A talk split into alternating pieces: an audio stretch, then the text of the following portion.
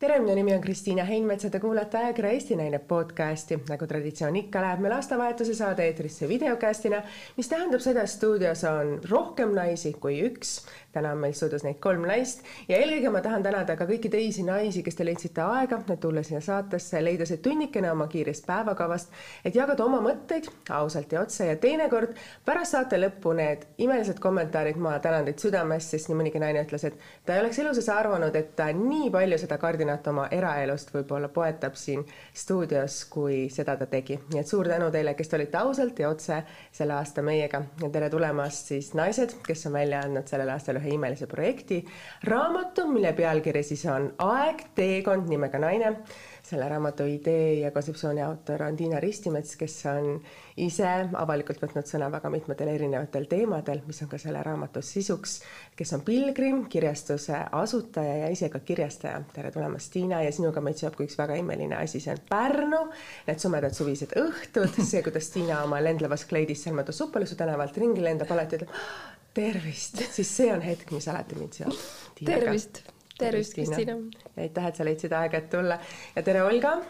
Olga Maakina siis on selle raamatu üks mitte üks, vaid ongi selle raamatu ainus fotograaf ja Olga seob meid, ma arvan, midagi sellist, mida ma võin öelda, et kolmekümne aasta jooksul on juhtunud palju kordi, sest mina olen olnud tema kaamera silma ees ja tema on olnud see fotograaf, kes on neid pilte teinud, nii et neid hetki, mida me oleme selliseid väga intiimselt jaganud, on päris palju. aitäh, et sa tulid, Olga. Tere, Kristiina. ja minuga, aitäh, et sa tulid ja tere tulemast, Marika Hanson, kes on see imeline naine, kes võib öelda, on mind mõjutanud teismelisena väga palju. See modelliagentuur Marimeil, mida ta kunagi lõi, kui mina olin kolmeteist-neljateistaastane ja sinna konkursile ma läksin ja valituks osutusin, sest Marika oli žüriis ja tema valis just need tüdrukud välja, kes sinna peaksid sobima. ja see koolitus, mida ta tegelikult meile andis noorte tütarlastena, mida ta meile õpetas, sest tema tuli ju tegelikult välismaalt ja meie olime ikkagi selles Nõukogude režiimis üles kasvanud kinnistes, kinniste, kuidas öelda, kardinate taga ja see avatus ja teistmoodi mõtlemine, mida ta meisse noortesse tüdrukutesse nagu süstis, see jättis nagu minu jaoks kui noore tüdrukuks väga sellise aukartust äratava hetke ja momendid. nii et see, kuidas ma olen jälginud sinu tegemisi täna siis juba Instagrami vahendustel või kõik see, mida sa oled teinud, et see on suurepärane, see on minu jaoks olnud väga suur inspiratsioon, nii et aitäh, et sa oled olnud olemas aitäh, Kristiina ja aitäh, et ma olen siin saates, väga põnev. aitäh selle ilusa sissejuhatuse eest aitäh teile, naised, ma pean tunnistama teile, kallid vaatajad, et, et, et meil on olnud enne seda saadet väga mitu teemat ja et me tegelikult täna ei teagi, millest me võiksime alustada. aga ma tean, et kui Tiina ennem just mainis, et kui ta andis selle raamatu välja, siis ta tegi seda midagi, mis ta tahtis iseenda jaoks teha, sest ta tundis, et see teema on see, mis vajaks ühiskonnas kajastamist. see on teema, mis oleks nagu oluline ja ta kindlasti, nagu ta just hetk tagasi tunnistas, ei osanud arvata, et meeste huvi selle raamatu vastu saab olema nii suur. et mis on olnud siis need vastukojad? jaa, no idee seda teemat käsitleda laiemalt tuli mul ikkagi enda isiklikust äh, kohast, kus ma siis ennast leidsin elu keskelt äh,. tekkis mõte, et ma tahaksin teada, mis saab edasi, tahaks rääkida ilusate, tarkade äh, elukogenud naistega, mida neil on öelda. ja ega nagu ikka need, kuidas ideest saab lõpuni siis äh, valmis äh, toode Äh, see protsess oli niivõrd põnev, ma kutsusin siis endaga kaasa teele Olga, kes hakkas neid naisi pildistama. ja ma pean tunnistama, et nii kogu see teostuse protsess kui ka see, mis on juhtunud siis pärast, on olnud üdini üllatusi, rõõmsaid üllatusi, liigutavaid üllatusi Äh, täis ja, ja ma tõepoolest olen äh, saanud äh, väga palju head tagasisidet just nimelt sellele teemale, selle teema tõstatamisele. selle teema juures olnud ka sinu jaoks oli kõige olulisem, kui sa võtad selle ühe lausega kokku? ma ei tea, kas saab seda ühe lausega öelda, aga ma olen näinud naist, kes äh, nägi seda raamatut raamatupoes ja see ma, ma arvan, see on kuidagi energeetiline, see teostus ja see sisu, see nii kõnetas teda, et ta hakkas nutma. ja ta ütles, et äh, ma võiksin olla üks äh, nendest naistest, kes seal raamatus on. ja tõepoolest äh, tal oli õigus, sellepärast et seal raamatus võikski olla paljud naised, sellepärast et see kõnetab väga paljusid naisi. Ja ma siinkohal toonukski, et mitte ainult neid eagruppe, kes on siis viiskümmend, kuuskümmend ja, ja kaugemal, vaid tegelikult just nagu nooremaid, sest ennetavalt on nendele, nende naiste elutarkusest kõige rohkem kasu. Ja praegu ma näen ka seda, mis toimub kirjastuse kodulehel ja, ja pöördumistes ja need on just nimelt noored, kes tahavad seda iseendale kinkida, oma sõpradele, oma, oma emadele, tütardele, ma tahan teada, mis seal sees on, on ju ja vot see üdini liigutab mind. veel üks pilt, see, mis ma raamatupoes nägin, oli see, et kaks teismelist poissi. ma arvan, ma arvan, need on kümme, kaksteist, seisid seal selle roosa raamatu väljapaneku juures ja arutasid, et oh, see on see ilus raamat tahaks emale kinkida. palju maksab kolmkümmend viis eurot? klapime kokku kui armas. mul, mul jäi vahepeal selline tunne, et ma lähen ja ütlen, kui teil jääb puudu, ma annan juurde et ka tegelikult see teema, mida me oleme ajakirja Eesti Naises hästi palju viljelenud just peatoimetaja Heidit Kaiaga, et mingil hetkel naised jäävad nagu hääletuks aga tegelikult vastupidi, me oleme jõudnud ju mingis eluetapis sinna, kus meil on just rääkida, kus just. meie teekonnal on nii palju asju, mis võiksid just neid noori inspireerida.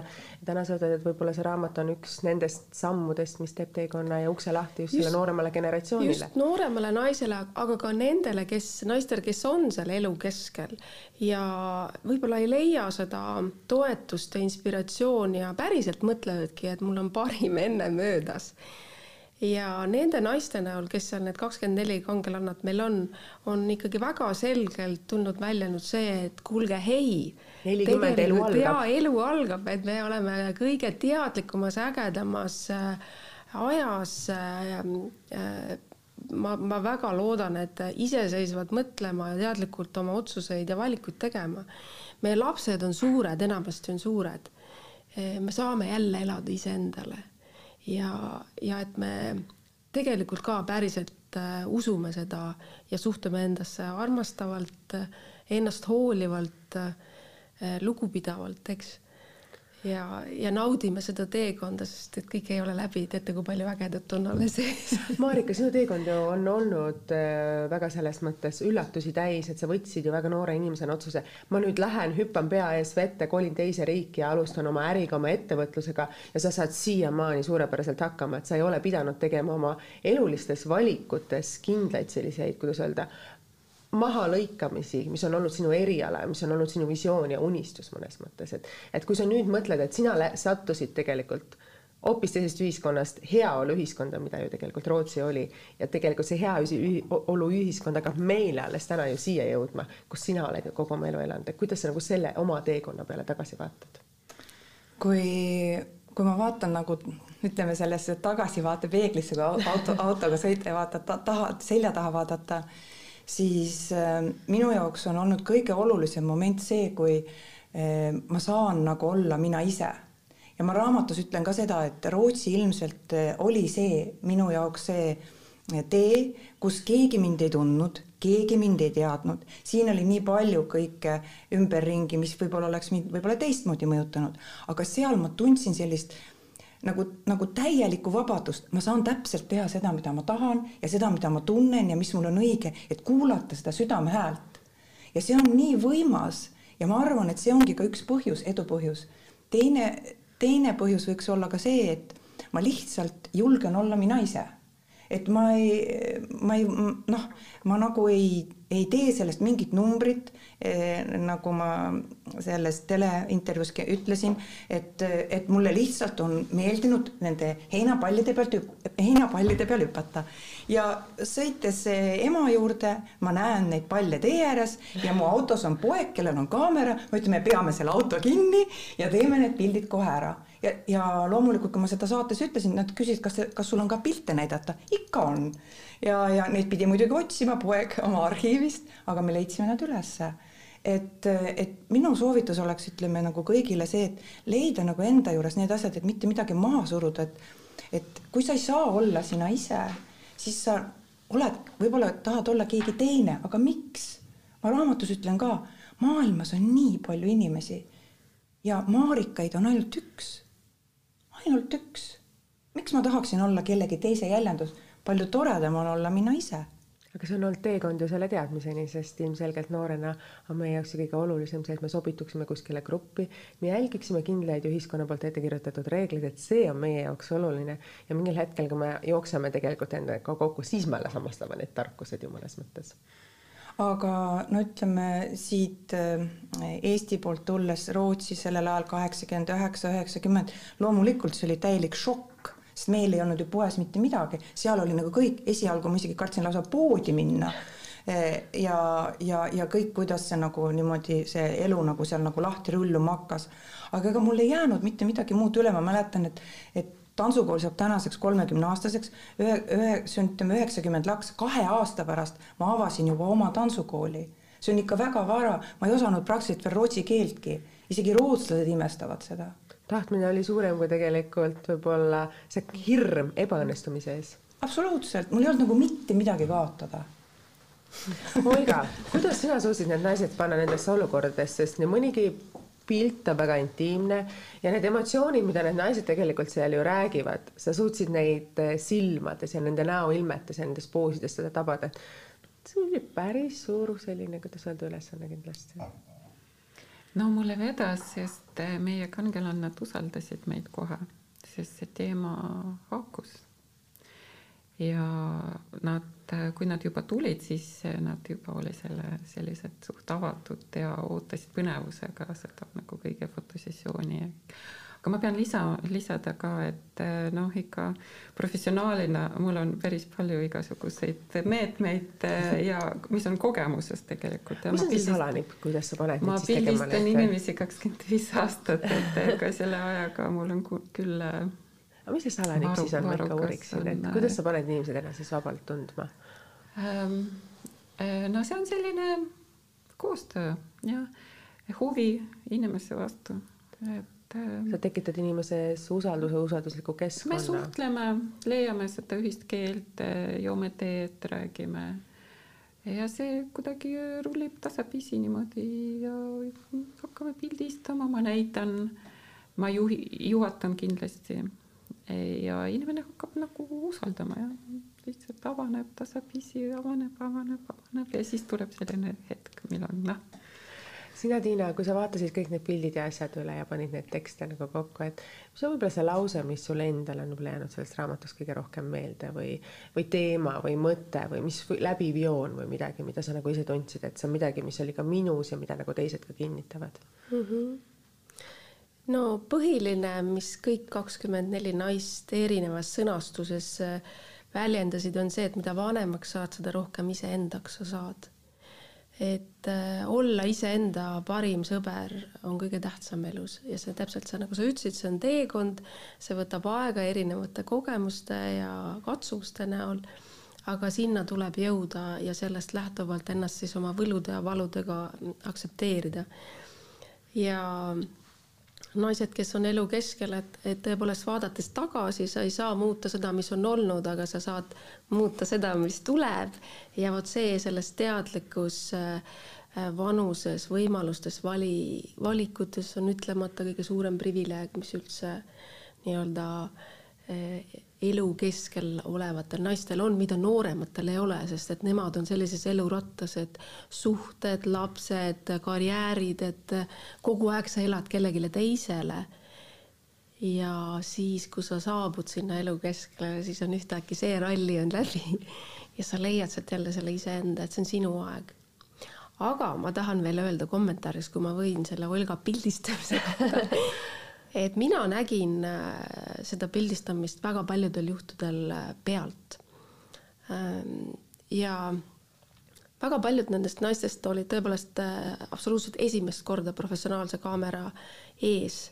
ehk siis nad olid krampis, nad ei, ei osanud, kuidas, nad ei teadnud, mida oodata, nad ei tundnud ennast vabalt kõigepealt nad sattusid meie make-up artist Gerda Milleri kätte, kes oli esimene nendega kohtumises ja tema nagu võttis selle võib-olla selle pinge kõigepealt maha ja see oli kõik nagu aeg, siis nad jõudsid Olga juurde ja, ja see ei tule niisama, aga see oli väga nagu äge protsess vaadata, kuidas nad lähevad, kuidas nad avanevad, kuidas nad lähevad lahti. no vahel aitas väike konjak sinna juurde no,. see kõik käib nagu loomulikult kaasa, aga see, seda oli väga tore vaadata ja, ja ma veel tahan öelda nende kahekümne nelja naise kohta, kes kõik otsustasid selle projektiga ühineda. No mingis mõttes on nad kõik kangelannad, sellepärast et ka nemad on selle raamatu autorid, meie olime lihtsalt idee ja, ja teostuse poole pealt oskasime selle võib-olla õigesti vormida, aga need naised, kes olid avameelsed ja otsustasid jagada seda, mis neil on, noh, parim, mis ma praegu kuulnud olen, on see tagasiside, mida need naised ise saavad. Nad, kes saab fännikirju, kellele joostakse tänava peal järgi, öeldakse, et kuule, ma lugesin su lugu, täiesti võõras inimene, aitäh, see inspireeris mind. Et, et mul on selle üle tohutult hea meel, et sest ma näen, et naised täiesti on puhanud, puhe, kuidas öelda puh,, puhkenud õid jah? jah, puhkenud õid selle, säravad, vau! No on ju, Marika?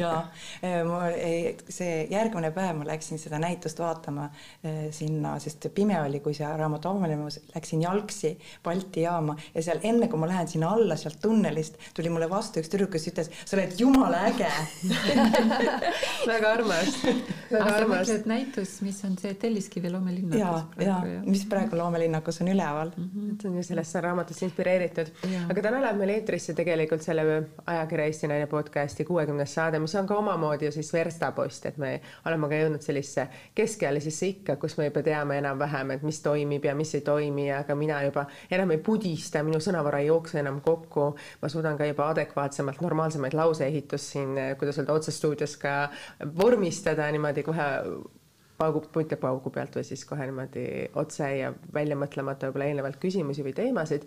et ma just eh, tahakski võib-olla natukene pöörata tagasi ka selle ratta siis nende saadete juurde, et, et sellel aastal on käinud eh, ligi viiskümmend naist, kes on kõik oma mõtteid ja oma ideesid ja omaenda lugu tegelikult ju rääkinud siin saates ja ma olen välja kirjutanud mõningad pealkirjad, mis on nende naiste ütlused või sellised mõtted olnud ja mõtlesin, kui me võtaks neid ja arutaks nagu naistena, et eh, see on olnud ajakirja Eesti Naine podcast'ide teemad ja need on ka need teemad, mis on hästi palju inspireerinud, sest samamoodi ka mina olen saanud neid tagasisidet ja neid kirju ja aitäh kõigile kuulajatele ja vaatajatele, et nad seda ka teevad.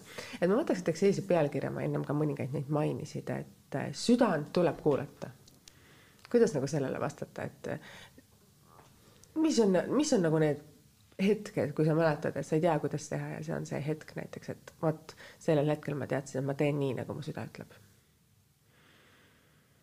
hakkame pihta siis Marikast.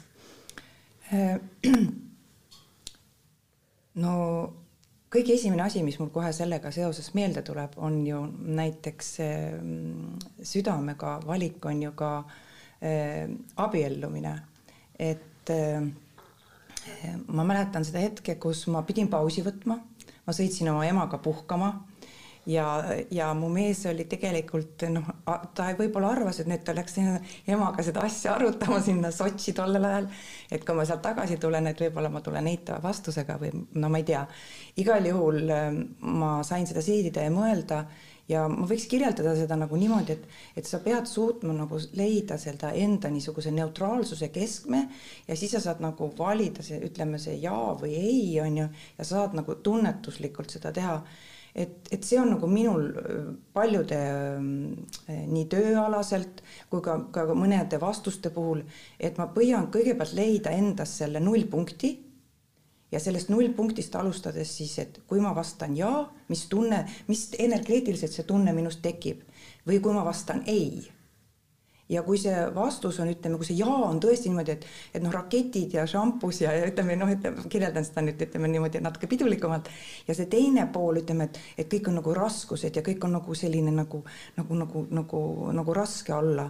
et, et mina teen küll oma enamus otsuseid just selle sealt kõigepealt tulles nullpunkti ja siis tunnetuslikult.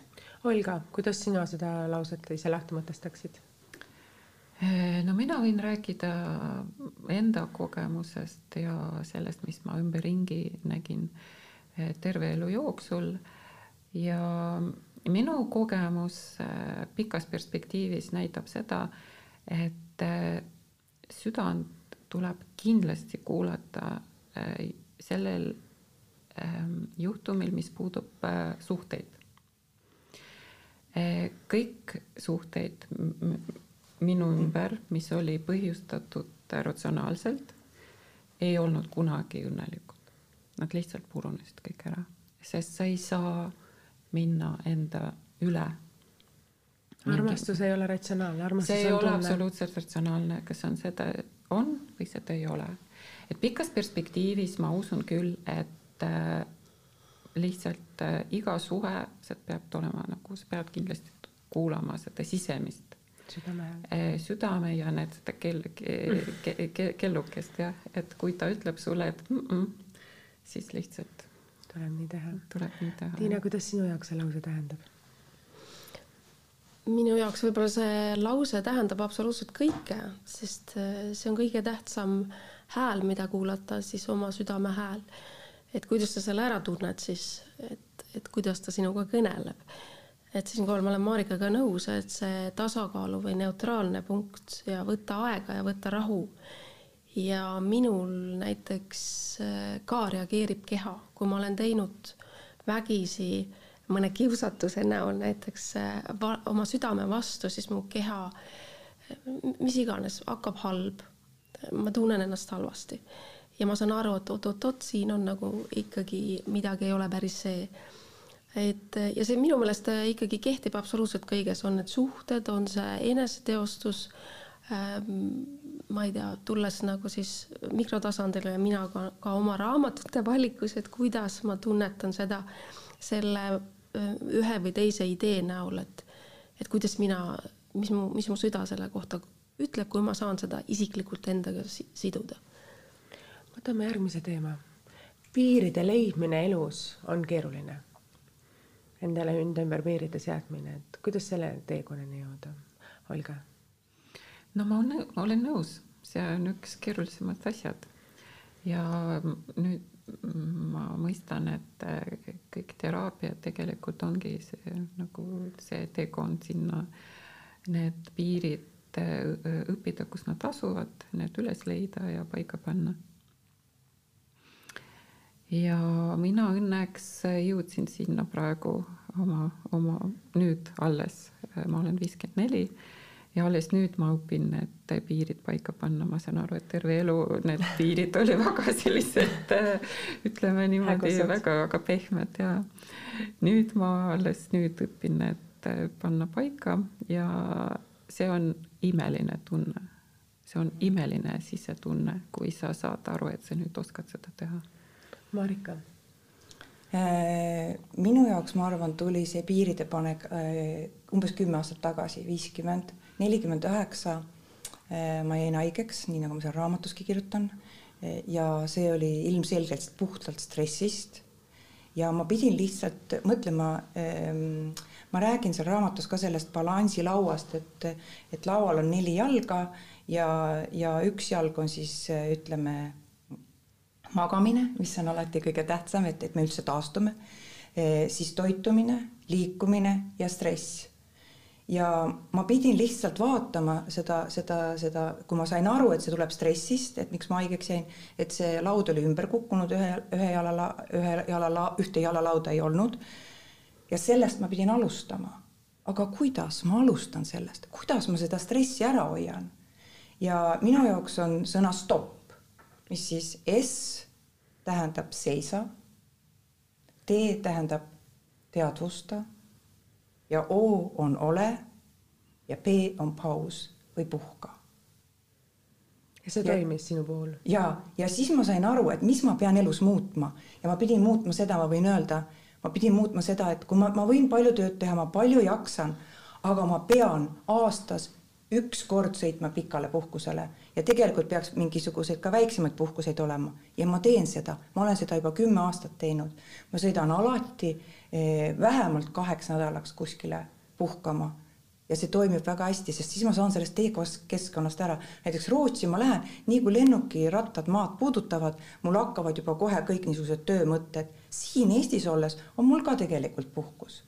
Ükskõik, kas ma olen siin suvel või talvel, sest mul on siin väga raske tööd teha ja see on väga hea.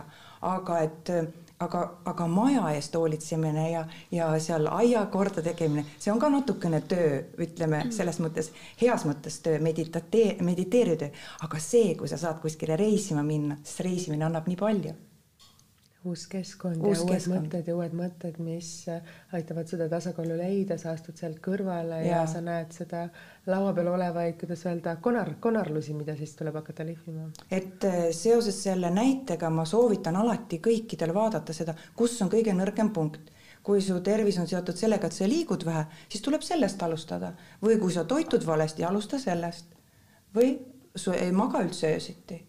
aga kui sul kõik need on halvasti siis juhtub see, mis juhtus minuga. Tiina, sina oled ise ka sellest ju rääkinud, et mingil hetkel sa mõistad, et mingid asjad lihtsalt ei sobi, et sa oled ka sellel mm -hmm. teemal avalikult rääkinud. et kuidas sinule endale jõudis see tundmine, et ka sinul on olnud ju tegelikult mitu kooselu ja sul on ka selles mõttes väga erinevaid eluetappe olnud mm,? oma piiride tundmine eeldab kõigepealt iseenda tundmist, oma vajaduste tundmist, oma vajadustest teadaandmist et kindlasti on see väga oluline oma suhtes, aga minul praegu päevakorral on igapäevane piiride õppimine või õppetund siis seoses oma kümneaastase lapsega, kus äh, ta iga päev katsetab, iga päev ta paneb mind proovile, kus on piir. ja kuidas sa lahendad siis neid ähm, nii-öelda arengulisi õppetunde armastusega ja piiridega niimoodi, et ta saaks õigesti aru, nii et ei et tema ei saaks pihta ja mina ei saaks pihta. et mingis mõttes on see, ma olen igapäevases piiride õppimise tunnis praegu. me oleme andnud välja ühe psühholoogiaalase raamatu, mis on pane paika oma piirid, mis räägib nii-öelda süvapsühholoogiliselt sellest, aga see teema on äärmiselt tähtis absoluutselt kõikides valdkondades.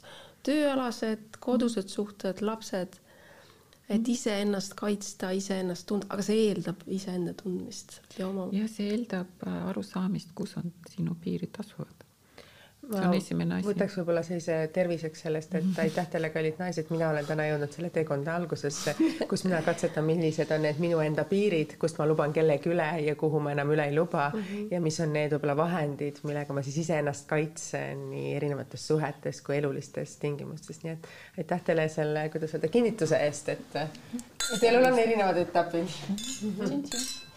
tervist, et meil on ikkagi aasta lõpu saade ju ja laua peale on meil Marika toodud väiksed šokolaadikommid, mis inspireeritud vist olid, võib-olla sa täpsustad? ja need on ise tehtud, käsitsi tehtud eh, kommid, mis on väga tervislikud.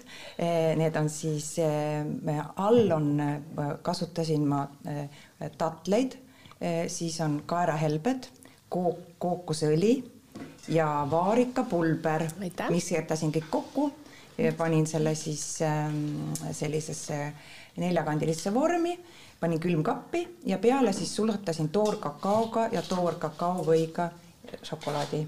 nii et palun maitske ma loodan, et ma kunagi jõuan taas sinna etappi, et söögi tegemine on midagi, mida ma naudin, sest äh, väga pikalt perioodil, kui sa teed seda lihtsalt oma kohusetundest ja sa võtad kohustusena, mm, siis see on midagi, millest ma võimalikult enam kõrvale hiilin, tunnistan ausalt üles. ma loodan, et ma kunagi jõuan ka selliste gurmee asjade tegemisteni, kui ma natukene vanemaks saan. Kristiina, ma luban sulle, et see juhtub sinuga, kui sa saad nii vanaks, kui ma olen ma väga loodan seda, aga läheme edasi võib-olla mõne, mõne teise teemaga, et ähm, üks naine ütles väga ilusasti, et sa oled iseenda reaalsus. et kuidas nagu seda lahti mõtestada, et see, kuidas ma ennast tunnen, see on nagu täna reaalne ja see, kuidas ma mõtlen, et ma peaks ennast mm -hmm. kümne aasta pärast tundma, siis elada nagu tuleviku nimel, et noh, kas sa nagu mõtled või tegelikult ei ole, et kui sa tunned ennast praeguses kestas hästi, olla iseenda tänane reaalsus, vaadata ausalt peeglisse, et, et kui oluline see teie jaoks on? Tiina jaa, sa oled oma tunnete ja mõtete peegeldus. et ma usun sellesse küll, et kui sul on pea ikkagi häid mõtteid, häid soove täis, siis äh, sa näed ka ilus välja. aga mõtle, kui sul on kogu aeg halb, negatiivsed mõtted, kõik on kuri ja paha äh,, suunurgad on allapoole, noh, siis see kiirgabki ka sinust välja. et ma usun küll, et äh, me ise loome oma reaalsust oma mõtetega. kuidas sina, Marika, seda ütled, mõtled? Ja äh, mina olen Tiinaga täiesti päri, äh, et ähm, kui meil on sellised äh, mõtted, mis on negatiivsed mõtted, need ei vii, need ei ole tegelikult edasiviivad mõtted, sellepärast et kõige parem on ju olla iseendaga hea sõber ja me tegelikult võime endale öelda mõttes, et ah, ma ei ole nii hea või see mul ei lähe, tule hästi välja. Või aga kui me vahetame seda, seda teed, et me mõtleme positiivselt, et täna, mis täna näiteks oli hästi siis tegelikult äh, sa hakkad nagu leidma niisuguseid pisiasju, mis on hästi. Ja see teebki sulle nagu rõõmu. Ja, ja noh, raamatutest on isegi ka lugeda näiteks mm, Stockholmis on üks kuulus ajukirurg, kes on kirjutanud, et Anders Hansen, et äh, meie aju ei tea, kas see, see rõõmus hetk äh, on praegu just hetkel olemas või lihtsalt sa naeratad ja viid oma suunurgad ülespoole, aju jaoks ei ole suurt vahet. See tähendab seda, et peale seda lugu raamatust lugedes ma sain aru, et aga väga hea, mul ongi vaja neid õnnehormoone juurde, siis ma võingi kogu aeg iseendaga naeratada. juba hommikul lähen peegli ette ja naeratan ja, ja autos sõites, et ühesõnaga olla natuke nagu teadlikum. Ja minu meelest on kõige parem, mida ma alati katsetan, on see, et kui ma sõidan Stockholmis metrooga või kui ma käin tänaval ringi, ma ei lähe kunagi kellestki mööda, ma ikkagi üritan selle inimesega leida silmsidet ja talle naeratada ja sulle naeratatakse alati vastu see on väga-väga ilusti öeldud selles mõttes, et elu me saame ise ilusaks mhm. elada. elu me saame ise ilusaks teha, et kui me seda ise teeme, nagu minul, ma olen ise ka käinud terapeutide juures, nad alati mm -hmm. ütlevad, et ärka hommikul üles ja olenemata, mis tuju on, ütle endale kolm positiivset asja mm -hmm. ja siis mõtle, kuidas sa ennast tunded mm. -hmm. aga kui sa oled need kolm positiivset asja endale öelnud, siis ilmselgelt, ega sul tuju ei ole enam maailm see, mis oli eelmine õhtu või see, mida sa unes nägid, et see on nagu möödas ja sa oledki selles, kuidas öelda, õnnehormoonide hetkes, et sa tunnedki ennast õnnelikult, et see on võib-olla üks nipp, mis on mind aidanud mm -hmm. elus väga palju edasi ja just nendes hetkedes, kui sul on hästi raske, sa tunned sisemiselt, et sa oled praktiliselt seal, kuidas öelda, mudases augus, et see on üks nendest hetkedest. just nimelt, sest et alati alati ähm, kõikidel inimestel on ju oma elu jooksul vaja rinde pista ka keeruliste aegadega, et alati ei ole kõik hästi. ja no mis viga on õnnelik olla, mediteerida kuskil mäe otsas, kus sul ei ole ühtegi peeglit. et ähm, ma arvan, et oskus olla õnnelik ka siis, kui sul võib-olla ei ole kõik hästi, on ainult sinu oma otsuse ja suhtumise taga. väga hästi öeldud, et kuidas sina, Olga, sellesse suhtud? Ei, ma olen väga nõus äh, Marikaga ja Tiinaga, et ähm, ja ajad meil on äh, elu jooksul muidugi erinevad, aga noh, ehk tuleb siis min, mina otsustasin, et tuleb õppida lihtsalt olla rahul sellega, mis mul on.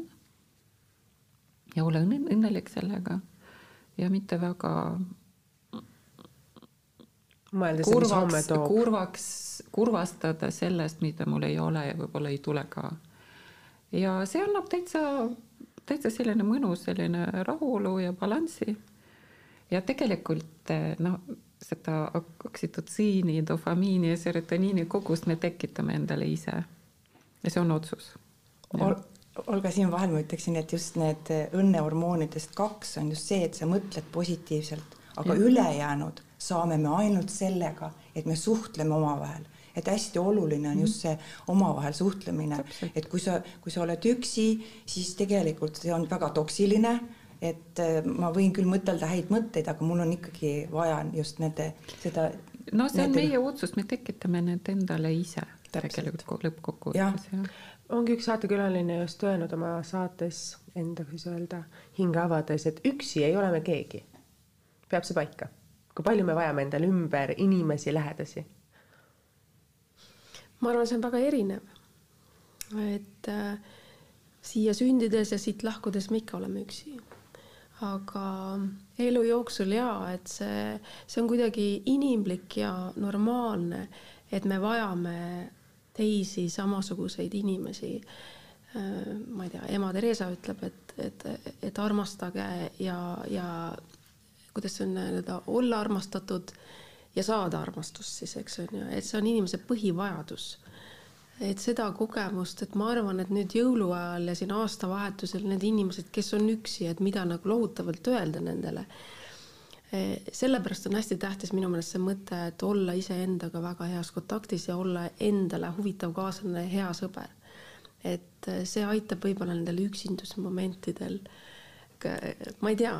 Eh, mina, mina arvan, olen Tiinaga täiesti päri, aga kui kellelgi ongi kodus eh, noh, ütleme vanemad, kes on üksi näiteks, et ei saa sellel aastavahetusel või jõuluõhtul tulla sinna pereringi või noh, mitmetel põhjustel, helistage neile, rääkige nendega, seesama, et sa saad kellegiga rääkida on nii oluline, see nii palju tõstab nende enda seda enesetunnet ja meie enda enesetunnet ka, sest me teeme midagi head, et. Äh, oskus märgata inimest, kes peaks vajama võib-olla tuge või no head sõna ja eriti olukorras, kus sa tead, et ta on üksi. Ja mina soovitaksin näiteks just ka noortel, et, et ärge saatke seda SMS-i, näiteks mina üllatan sõpru sellega, et äh, ma, ma mängin selle sisse, selle tervituse ja saadan selle Messengeris ja nii palju olen saanud tagasisidet. Marika, kui tore, et kõik tipivad mingeid tähti, aga sina niimoodi rõõmsalt palju õnne sünnipäevaks või häid jõule või toredat neljandat adventi või midagi. et, et, et, nii lihtne on leida mingeid üllatusmomente, et, et teha seda nagu laivis, mitte ainult tippida neid tähti. väga hea nipp, sest telefonid on meil kõik käepärast ja me saame ju teha selle väikese video, mis on see mõnesekundiline või kasvõi need häälsõnumid mm, -hmm. mida on võimalik saata, et mm -hmm. miks mitte tõesti see anonüümne emotsioonitu text message vahetada siis päris elu vastu ja sest et, ehm, et me loeme seda, seda text message'it hoopis teis-, nagu enda sisemise hääletooniga ja see oleneb kõik sellest, kuidas mul meeleolu on, kuidas ma seda tooni loen. aga kui ta ikkagi näeb seal teisel pool sinu niisugust rõõmsat nägu ja sa soovid talle häid jõule või head uut aastat, et see on minu soovitus igal juhul. helistage sõpradele esimesel jaanuaril ja ärge tippige neid SMS-e, vaid saatke need, need, need ilusad eh, iseenda tehtud message'id on selline lause, mida mul on ka üks saatekülaline öelnud, et inimesed on armastuse puudus. kas meil on armastuse puudust? kuidas te ise tunnete, kuidas te ise tundsite ennast eelmisel aastal, Olga? on see sinust piisav kogus armastust? mul on, äh, ma ei puudu, ma ei tunne armastusest puudu, sest ma leidsin sellist imelist viisi, et armastus on minu sees. see on mul alati kaasas. väga ilusasti öeldud, Tiina ja minu ümber on ka palju armastust. tõesti, ma tunnen seda ähm, inimlikul tasandil naisena, emana, sõbrana ähm,. ma arvan, et armastusest äh, ei ole ka kunagi küllalt. et äh, aga seal on jälle üks hea viis seda siis ise ka jagada. mida rohkem sa jagad, seda rohkem sa ju saad, et see andmine ja saamine on ikkagi omavahel äh, kuidagi tasakaalus. et rõõm on selles, kui sa saad jagada. Endale hoidmine ei vii kuskile no, ja kaugele. rusika reegel, et äh, sa saad täpselt sama palju, kui annad ja emotsioonide puhul on see just eriti mm. väärtuslik, sest peegeldada ja, ja oskust peegeldada on väga oluline. siis ei saa. ja mida külvad, seda lõikad Marika, mis sina arvad sellest, et on meil armastuse puudust inimestes, on seda võib-olla kibestumist liiga palju? See kõik äh, on jälle seotud sinu enda suhtumise ja sinu enda mõtlemisega. et minu puhul on see oluline, et mulle, mulle meeldib teha üllatusi, mulle meeldib äh, välja näidata, äh, et, et noh, et armastusväärselt suhtuda nii oma pereliikmetesse, oma sugulastesse, oma emasse, oma vennalastesse, enda poega, enda mehesse ja näiteks neljandat adventi tähistades, siis poeg tuli mulle kööki ja ütles mulle, et ema, ma olen nii uhke sinu üle ja et see on nii äge raamat, kus sa kaasas oled. ja, ja, ja ta ei teinud, ta ei tee ju seda kuskil mingis sotsiaalmeedias, ta tuleb mulle lihtsalt kööki, võtab mul ümbert kinni ja ütleb, et, et see on nii vahva, see on nagu kõige suurem tunnustus. Ja, ja täna hommikul oli muuseas ka väga tore, et mul on ema praegu just külas ja kuni jõuludeni ja siis ta läheb minu vennapere juurde. Ja tal oli nagu natuke mure, et eh, oma nende noh, ütleme tervisehädadega ja kõige sellega ja ja täna hommikul ta ütles mulle niimoodi, et Marika, sa oled nagu tohter. ma magasin nii hästi ja mul on kõik nii hästi, et sa kohe oskad luua, et ma tunnen ennast nii hästi. kui ema ütleb sulle kaheksakümne viie aastaselt, eh, et sa oled tema parim tohter, on ju, see on ju kõige suurem armastusavaldus nii mina talle kui tema mulle, kuigi ma ei teinud seda sõnadega. ja absoluutselt, minu kümneaastane poeg ütleb mulle, ma arvan päevas kolm korda, et emme, kas sa tead ikka, et ma armastan sind nii väga palju? Just see praegu, mida te, mida Marika rääkis ja mida sina räägid, et hästi oluline on see, et me ütleme lastele, et ma armastan sind. isegi kasvõi seal oma telefoni lõpus, mida samamoodi minule, minule on nüüd õpetatud, et alati, kui sa lõpetad telefonikõne, olenemata, mis see oli, et ütle, ütle sellele lapsele, et ma armastan sind ja tema armastab sind, et mm -hmm. see on nagu hästi oluline, et sa ise ütled seda välja, sest kui sa ise ütled seda, see hakkab ka sinule tagasi peegelduma seda mm. -hmm. ja kuulajatele ma võin öelda, et see on tõsi, sest enne kui me siia laua taha tulime, ma kuulsin, kuidas sa seda oma tütrele ütlesid oi, aitäh. jah, aitäh sulle, et ma ise vaata ongi mingid asjad, mida sa ei pane tähele, et nüüd on see hetk, kus ma vist peaksin punastama natukene. Ei pea, tundma ikkagi rõõmu ja tänulikkust. aga võtame siis sellise armastuse terviseks, et kõigil on seda sellel aastal olnud väga palju nagu ma saan aru ja neid ilusaid hetki, kus meil on silmad märjaks läinud, on samamoodi olnud, kas täna hommikul või neid aasta jooksul palju, nii et, et see armastus oleks ja seda armastust oleks ka palju järgmisel aastal, selline väike tervitus meile. Aga läheksime edasi võib-olla järgmise asjaga, et üks naine on öelnud väga ilusasti, et lase elul elada iseendas, et ära jookse peaga vastu seina, ära aja taga neid asju, äh, mis ei tule ise sinu juurde, et kui sa lased elul iseendale juua, siis laual ise elul endas elada, et siis laua peale tulevad just need õiged asjad, mille seast sa võiksid teha valiku. Ja kui sa püüad midagi, mis ei ole võib-olla laua peal siis äh, elu teeb kuidagi korrektuurid ja sa ei pruugi seda saada. Ja seesama, mida sa võib-olla tahtsid sellest, mida sa püüdsid, leiad sa hoopis teises variandis ja sa oled palju õnnelikum.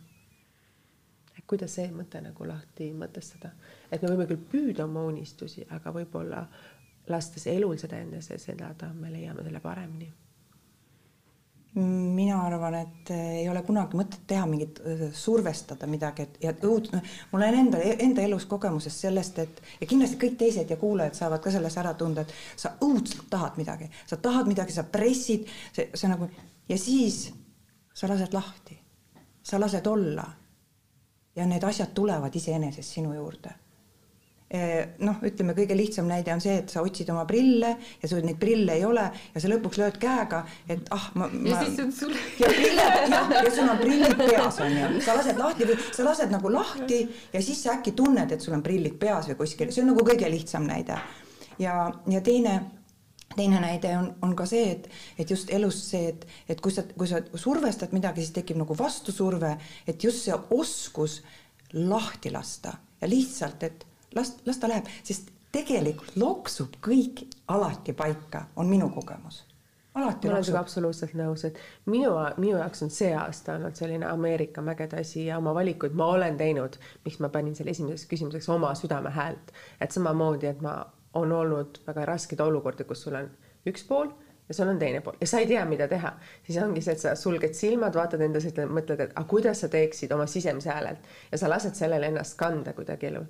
ja see, kui sa tunned seda jõudu, et need asjad tulevad ise sinuni ja sa ise leiad nendele lahendusi, õigemini elu pakub ise neid lahendusi, elu ise lahendab need olukorrad ära, siis see tunne, et sa usaldad elu ja elu usaldab sind, et see on nagu väga hea tunne, see on midagi, mida mina olen võib-olla naisena ja emana sellel aastal esimest korda kogenud et aga Tiina, kuidas sina arvad sellele asjale, et lase elul iseendas elada? meil on üks autor, Tommy Helsten, kes on kirjutanud ähm, sellise raamatu Saad kõik, millest loobud elu paradokside, äh, et äh, see räägib äh, tegelikult just nimelt sellest, et usalda ja anna aega, et ma mingis mõttes sellega päris nõus ei ole, et lase elul ainult voolata. Kui sa kodus ootad seda ja mitte midagi ei tee, et no, siis, sul, siis, siis nagu ei juhtu ka midagi. aga ilmselt see käib ikkagi nagu suuremate unistuste nii-öelda paika loksumisega, sest ka need unistused ajas muutuvad mingis mõttes meie juba siin elu keskel, meil ei ole väga palju illusioone ja ei ole väga suuri unistusi. unistused ikkagi on nii-öelda fundamentaalsed, et püsiks tervis ja sellist ägedat ja huvitavat elu on, on ju, aga, aga ma mõtlen, need ei ole materiaalsed või mingisugused, ma ei tea, mida saavutamised, eks. Et ähm, sa väga ilusti ütlesid, et meil ei ole enam materiaalseid unistusi Jaa. sest me oleme tegelikult saavutanud juba selliseks vanuseks, kus me oleme, sellise kuidagi majandusliku stabiilsuse või majanduslikkuse normaalsuse, kuhu me oleme siis enne oma elu nagu ära mugandanud mõnes mõttes. Ja see, kas me saame materiaalseid hüvesid juurde võtta, see on kõige teisejärgulisem tegelikult, et tunda ennast õnnelikuna ja ümbritseda ennast inimestena, kes sind inspireerivad, et pigem see ongi võib-olla nagu see, mida sa ütled, et on olulisem, et jaa. elada ägedat elu. Just äh, muidugi kõigil naistel ei ole ilmselt läinud äh, nii hästi, et on ka neid naisi, kes ikkagi äh, ja neid, ma arvan, on paraku valdav enamus, äh, elavad ju palgast palgani. Ja peavad toime tulema, aga ma arvan, et selleks heaks on see kuidagi välja kujunenud niimoodi, et sa oled rahul sellega, mis on. Või sa, sa oled nagu leppinud mm -hmm. sellega, et sealt ba baasilt sa teed neid teadlikke äh, unistusi või eesmärke, et noorena need asjad on nii-öelda grandioossemad ja super asju soovitakse kõik, et, et meie pöörame ju tagasi ennast jälle sissepoole ja need sisemised rännakud, sisemised tundmused on palju olulisemad, see, mis väljaspoolt tuleb, eks ju, või see, mida raha eest saab, seda hingerahu ja armastust sa raha eest ei osta. tunda ennast armastatuna, et see on hästi Jah. oluline ju. just, aga e e selle elu voolavusega ikkagi on tähtis mõte see, et sa pead natuke ise kaasa aitama, aga siis ikkagi oskama teadlikult kuulata ja usaldama seda, mis tuleb. Ja selle põhjalt tegema valikuid, ma ei tea, see on minu kogemus. väga Mina- ilusasti sõnastatud. jah, väga-väga ilusti sul, sa ütlesid praegu seda, aga ma lisaksin sinna veel, veel juurde nagu seda, et, et kui me üldse ei, nagu ei unista, siis, siis ei juhtu ka mitte midagi, sest tegelikult on see nagu öeldakse, universumi seadus, et, et unista suurelt ja kõrgelt ja siis saad võib-olla natuke vähem, et ära unista väga vähe, unista just rohkem. see on minu kogemus vähemalt, et ja samas on ka see, et eh, minu tutvusringkonnas võib-olla keegi või, või sõbrannadest või kui, kui nad nagu omavahel suhtleme ja räägime, et noh, et ma ei saa seda teha või ma ei, mul, mul ei ole selleks raha või mul või, või, või kuidas ma saaksin hakkama, siis, siis minul tekib alati küsimus selles, et mis sa saaksid selleks teha.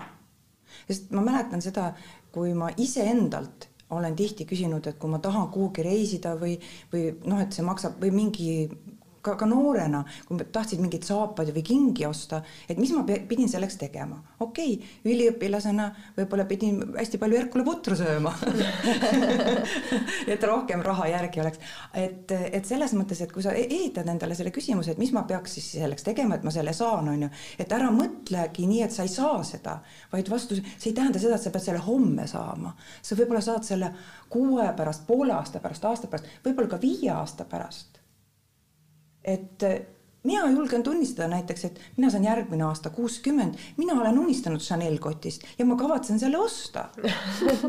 väga väga armas, et selles mõttes sul ongi väiksed unistused, võib-olla mõni unistus on suurem ja kui sul on võimalik seda real, realiseerida, siis miks mitte ma lähen ja ma teen selle asja ära. et see on väga õige, et sa elad selles hetkes ja kui see on sinu soov, siis ma lähen ja teen selle ära. sul täielik õigus seda endale lubada. täpselt, ma leian ka seda, et kuuekümne aastaselt on täiesti õigus seda endale lubada, et ja nii on Olga, kuidas sina sellele lausele vaatad, et mis on nagu see elu voolavus või see kulgemine või no, kuidas see olen- elu sinus elab? ma olen Tiinaga selles mõttes nõus, et kui sa päris üldse mitte midagi ei tee, et ega asjad ei hakka juhtuma. aga ma õppisin ise äh, elus äh, aru saada seda hetki, millal äh, lihtsalt ei tasu vastu tuult joosta mm. -hmm. et see mingi hetk sa lihtsalt saad aru, no vot ei ole praegu see hetk jah, et lihtsalt mine loe, maga, ma ei tea, puhka, tee midagi muud, pese nõusid või lihtsalt äh, korista või, või tegele midagi muuga, lihtsalt äh, tõsta seda fookus asjast mujale ja lõdvesta ja oota.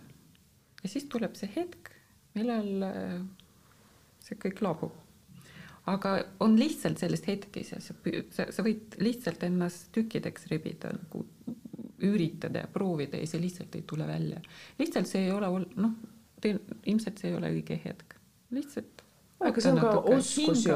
oota ja see on oskus. siis peab olema endaga enam-vähem nagu seoses jah aus.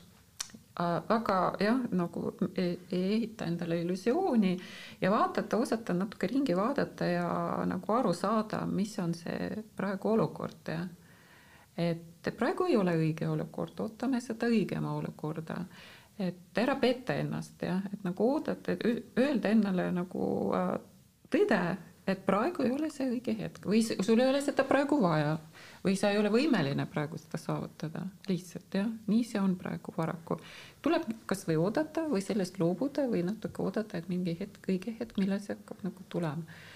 no see, see nõuab ikka see ka oma enda, endaga ikka sellist ausust ja nagu sidet, jah, noh mm., mingit aga paraku see ikka kogemusega tuleb. Kõik tuleb ajaga, tarkus tuleb ajaga, nagu me võime siis no, siin nagu selles see, mõttes kokku võtta. see tore, see tore nagu inglise keeles väljend, et tarkus tuleb vanusega, aga kahjuks vahest vanus tuleb üksi. Ja noh, jah, ma arvan, me võime ju võtta selle, selle eest seda ilusa klaasi eh, kokku lüüa selle eest, et meie tarkus ja vanus käivad koos. aga teeme, võtame sellise, lööme klaasi kokku sellesama ilusa tervituse ja. jaoks ja. ja teeme seda ka mõnes mõttes võib-olla viimast korda, sest meil on äh, jõudnud aeg sinnamaani, me peame saate kokku tõmbama. me oleme põhimõtteliselt tund aega rääkinud. kui me siin saate alguses ütlesime, proovime hakkama saada sellise kolmekümne minutiga, siis selline, kuidas siis öelda, see tunnikene on möödunud nii kiiresti, et me vist ei ole isegi aru saanud. ja need teemad, mis ma siin välja kirjutasin, nendest ainult mõni üksik tegelikult jõudis me siia laua peale, nagu me ka alguses arvasime kohe, et ega me kõigest nagunii ei suuda rääkida. aga kui on nagu üks lause, kui me võtame oma aastat kokku, et mis oleks nagu teie igaühe lause, kui te mõtlete oma, oma aasta peale tagasi? Tagasi, et mis oli ja mis võiks tulla veel parem või mis on see, mille poole ma püüdlen et hakkame siis Olgast pihta, ta juba raputab siin pead. ega paremaks ei saa, ei saanud minna, sest eh, me Tiinaga pandeemia ajal tegime raamatu, mis oli müüdud, välja müüdud, terve tiraaž oli välja müüdud kolme nädalaga. ega paremat ei saa, ei saa see aasta olla. tervist ja palju õnne, palju õnne. ja Tiina, kuidas sina vaatad sellele aastale ja mis võiks tulla veel parem? Jaa, mul on olnud väga huvitav, väga kiire. Ähm, ja ikkagi väga helge ja külluslik aasta, kui nii võtta. Äh, kindlasti oleks äh, patt nuriseda kohatu, kui, kui vaadata ümberringi, mis toimub ja muresid, mis inimestel on. nii et äh, ma olen seesmiselt erakordselt tänulik, et see aasta on olnud selline ja ma olen oma soovides ikkagi äh, ühest küljest äh, suurejooneline, teisest küljest väga tagasihoidlik, et et ma milles see suurejoonelisus tähendab ja milles see tagasihoidlikkus no, siis tähendab? selles mõttes, et, et ma tõesti äh, soovin, et, et jätkuks see, et see eneseteostuslik töö, väga palju huvitavaid ideid ja mõtteid on peas, et ma saan neid teha ja teisest küljest minu enda ja minu lähedaste tervis eh, oleks korras ja, ja me ei peaks kokku puutuma selliste tõsiste asjadega, et eh, ma olen tänulik selle eest, et tervis on korras. on tegelikult kõige vajalikum ja kõige armsam ma arvan, et see on nagu lihtsalt kõige tähtsam, et sealt edasi tulevad kõik muud, muud toredad asjad, mida saad siis ise valida või teha või. Marika no mina leian kindlasti, et äh, ma olen väga tänulik Tiinale ja loomulikult Olgale, sest et selle raamatu projektis kaasa olemi-, kaasas olemine on olnud selle aasta täielik highlight. ja järgmiselt aastalt äh, ma ootan põnevusega, sest endal tuleb juubel, tantsukoolil tuleb juubel, nii et äh, tuleb kindlasti palju rõõmu ja palju tantsu väga ilusasti soovitud selles mõttes ja kui mina peaksin nüüd ütlema, mida ma, kuidas ma oma aasta kokku võtaksin, siis võib-olla ma ütlen, et see on mu elu üks tähtsamaid äh, aastaid. ma olen sulgenud nii palju uksi, avanud nii palju ja veel rohkemgi uksi oma elus ja mõnes mõttes ma võib-olla seisan täna sellises olukorras, et mul jalad värisevad, kui ma mõtlen aasta kaks tuhat kakskümmend kaks peale, aga kui ma vaatan aasta kaks tuhat kakskümmend üks peale, siis ma mõtlen, et ega paremini poleks saanud minna, ega paremini ja julgemalt poleks saanud neid otsuseid teha, ehk kuulata oma südant ja minna eluga kaasa selliselt, et sa ise ka ei tea, kuhu sa teinekord välja jõuad. teinekord tuleb see risk võtta ja siis, kui sa seisad selle teelahkmel ja mõtled, kuidas edasi, siis ka see risk tuleb võtta, nii et ma loodan, et järgmine aasta saab olema sama helge ja mõnes mõttes mind paremaks. hoidev, kui on olnud see aasta. nii et pigem sellist headust, tasakaalu, lugupidamist ja rahu on see võib-olla, mida mina sooviksin järgmiselt aastalt aga naised, aitäh, et te leidsite aega, et tulla selle aasta lõpus veel siia saatesse, tunnikene, ma tean, et teil kõigil on pühade toit, toitude valmistamised eest, peredega kokkusaamised, sina oled muidugi meil puhkusel Rootsimaalt Eestis, nagu sa ütlesid, et sa lülitud välja, aga naudid teistmoodi tööd ja teistmoodi sellist eneseteostust. Olga, sina ütlesid, et sina tahad sellist rahu ja vaikust, siis kindlasti see on nüüd üks nendest perioodidest ja Tiina, sinu jaoks on olnud imeline aasta mm. -hmm. raamat on teinud rekordeid, inimesed armastavad seda, inimesed pakuvad seal nii palju häid emotsioone ja kommentaare. nii et kallid vaatajad kaunist aasta lõppu teile. ma loodan, et järgmine aasta saab olema veel ilusam, veel kaunim ja nagu Marika ütles, naeratage, naeratage, siis on elu, elul ka rohkem endal naeratust, mida peegeldada teisse tagasi. aitäh teile, kallid kuulajad ja saade on nagu ikka alati kuulatav ja vaadatav Delfi taskukeskkonnas seekord ja kuulatav Spotify's ja SoundCloudis. aitäh teile ja kohtume teiega juba uuel aastal säravat ja vahutavat aastavahetuse tähistamist. aitäh teile, naised Jādod tas tad. Jādod tas tad. Jādod tas tad. Jādod tas tad.